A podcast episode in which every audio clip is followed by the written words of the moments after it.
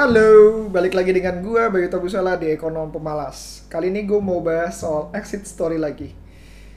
Jadi di podcast sebelumnya gue sempat berkata bahwa gue akan melakukan perampingan dari tiga portofolio gue, dari tiga saham gue dalam satu portofolio menjadi cuma dua. Dan uh, menariknya adalah satu portofolio gue itu bahkan cuma jadi satu lagi daripada dua. Dan gue mau cerita kenapa gue melepas saham ini dan menurut gue ini saham yang bagus unfortunately gue melihat sesuatu yang lebih bagus lagi. So, uh, gue gak akan bahas dengan saham yang gue masuk ke Bali, tapi gue akan bahas lebih banyak kenapa gue masuk dan kenapa gue keluar.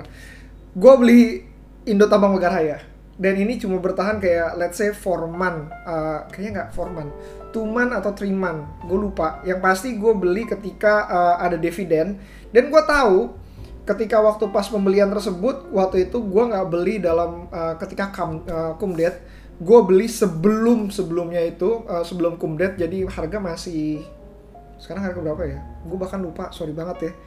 Uh, sebelum kumdet dan akhirnya waktu pas kumdet gue mendapatkan dividen dia drop 10% gue masih profit uh, eh, gue bertahan dan akhirnya sekarang drop lagi dan begitu drop uh, saham kedua gue atau saham pertama gue yang gue bener-bener gue suka gue cintai ini karena valuasinya lebih murah dibanding uh, eh, ITMG akhirnya mau nggak mau gue harus melakukan switching dari ITMG menuju ke satu saham ini.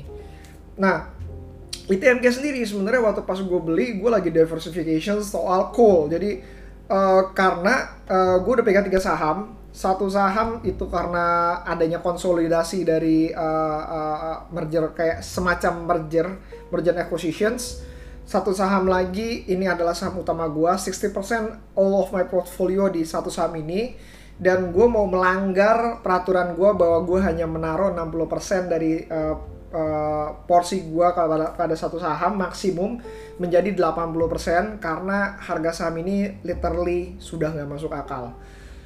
Dan uh, eh, ITMG sendiri menaruh di porsi gue di 20% karena gue ngerasa bahwa ini adalah safe bet untuk call. Jadi kalau misalkan gue ngerasa ITMG adalah sebuah safe bet untuk call. Kalau misalkan lu nggak tahu apa yang harus lo kerjain di call, gue selalu beranggapan, oh gue mau bet call ke mana ya? Ke ITMG atau ke PTBA. Tapi karena gue benci sama pemerintah dalam artian uh, pengelolaan pemerintah benar-benar bisa di uh, oprek-oprek sama pemerintahnya itu sendiri gue lebih suka dengan perusahaan swasta uh, yang uh, menurut gue nggak nggak ada apa ya jauh dari kesimpang siuran dari uh, pemerintah itu sendiri uh, maka dari itu gue masuk ke ITMG secara rasio uh, lo bisa bayangin P ratio 3 menurut gue udah cukup murah. Itu tiga tahun bisa balik modal.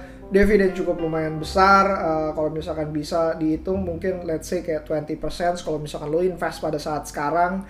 Uh, and then kalau misalkan dengan call turun lo masih bisa dapat dividen kayak let's say kayak 10 or 15% dari yield dengan kalau misalkan gue beli sekarang. So that's why gue masuk ke uh, ITMG itu sendiri. Uh, berikutnya lagi gue nggak ngerti katanya ada katalis uh, mengenai dia buka open pit tambang baru atau dan segala macam. Gue tidak masuk ke ranah ke sana tapi gue ngerasa bahwa in of market capitalizations dan uang cash uh, itu bener-bener uh, cukup bargain di mana uang cashnya uh, accountable 60% dari market cap no debt at all jadi kalau misalkan dia menghasilkan uang ya either dia bagi-bagi dividen atau dia akan melakukan uh, refinancing uh, refinancing lagi apa? Uh, dia akan melakukan investasi pada tambang yang berbeda dan gua ngerasa kayaknya investasi dia sudah lebih dari cukup jadi kebanyakan akan dibagikan kepada dalam bentuk dividen.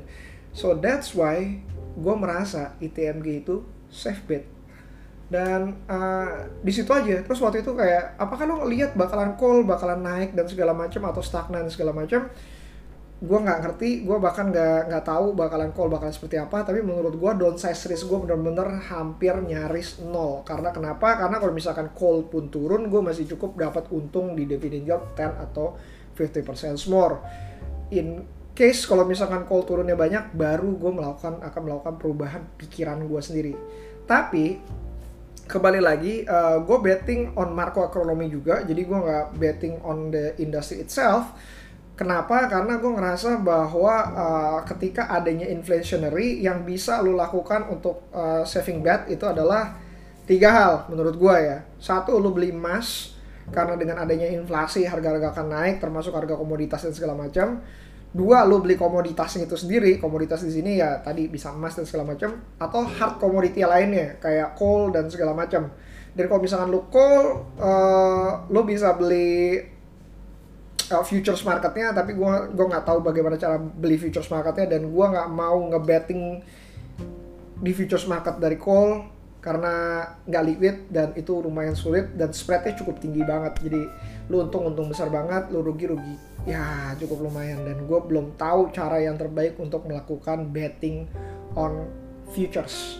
Maka dari itu gue lebih pegang dengan perusahaannya yang ketiga adalah lo pegang kalau lo nggak bisa tiga tiganya ah, nggak uh, bisa dua hal yang lain ya lo pegang namanya deposito jangka pendek. Kenapa? Karena dengan adanya deposito jangka pendek uh, inflasi akan mengakibatkan yang namanya si suku bunga ikut naik. Suku bunga yang naik uh, lo nggak bisa pegang obligasi jangka panjang karena akan kebanting harganya jadi lo pegang obligasi jangka pendek. Obligasi jangka pendek dari mana? Ya di bawah tahun intinya lo pegang segala sesuatu yang di bawah tahun. Reksadana pasar uang it's fucking the best for now. So, gue punya view dalam kondisi inflationary kayak gini, apalagi inflationary yang benar-benar cukup tinggi sampai kayak gini, ini bakalan beres kayak dalam waktu at least 5 years dan kita baru ada di tahun let's say menurut gue kayak satu tahun atau dua tahun yang di awal. Jadi masih ada tiga tahun lagi untuk beresin inflasi ini sehingga menjadi stabil baru akan ada namanya kesetimbangan baru. Dan gue pernah bahas di podcast yang sebelumnya bahwa inflasi ini akan berakibat cukup panjang di mana akan mengakibatkan uh, ekonomi mempunyai equilibrium yang berbeda. Dalam hal ini harga-harga menurut gue gak akan turun signifikan.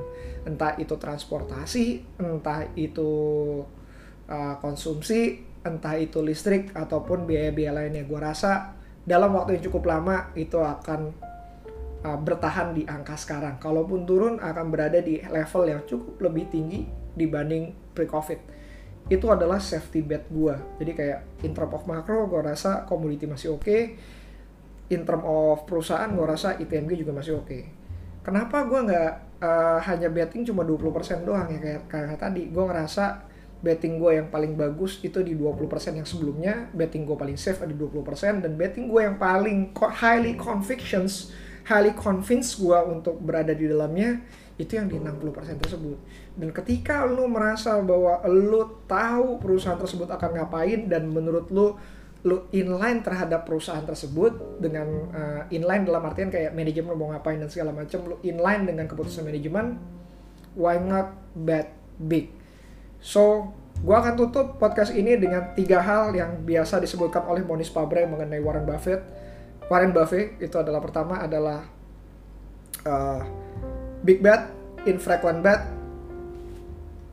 dan terakhir few bet. Sorry, few bet, big bet, infrequent bet. Few bet artinya adalah lo ngebet dalam waktu yang sekecil mungkin, eh bukan dalam waktu sih maksudnya dalam barang yang sekecil mungkin cuma ada beberapa barang yang bisa lo mau bet dan karena kecil lo menurunkan uang yang begitu besar big bet dan infrequent bet. Karena even orang yang melakukan trading yang gue kenal yang orang tersebut berhasil melakukan fundamental dan teknikal dalam satu waktu dan menggunakan leverage bahkan dia pernah berkata bahwa setahun lo bisa menemukan dua atau tiga deals you did apa you are more than enough to have living the life uh, bahkan better than you are expected. Anyway, that's it for now. Kalau ada pertanyaan, lo bisa diskus uh, podcast gue sebelumnya di YouTube gue. Please banget untuk subscribe. Uh, gue ngincar seribu orang sehingga gue bisa uh, bisa uh, masuk ke dalamnya. Terus kedua adalah kalau misalkan mau lebih intimate bisa di Instagram gue bayutabusala. Atau yang ketiga lo bisa email gue di bayutabusala at gmail.com see you again next time. Bye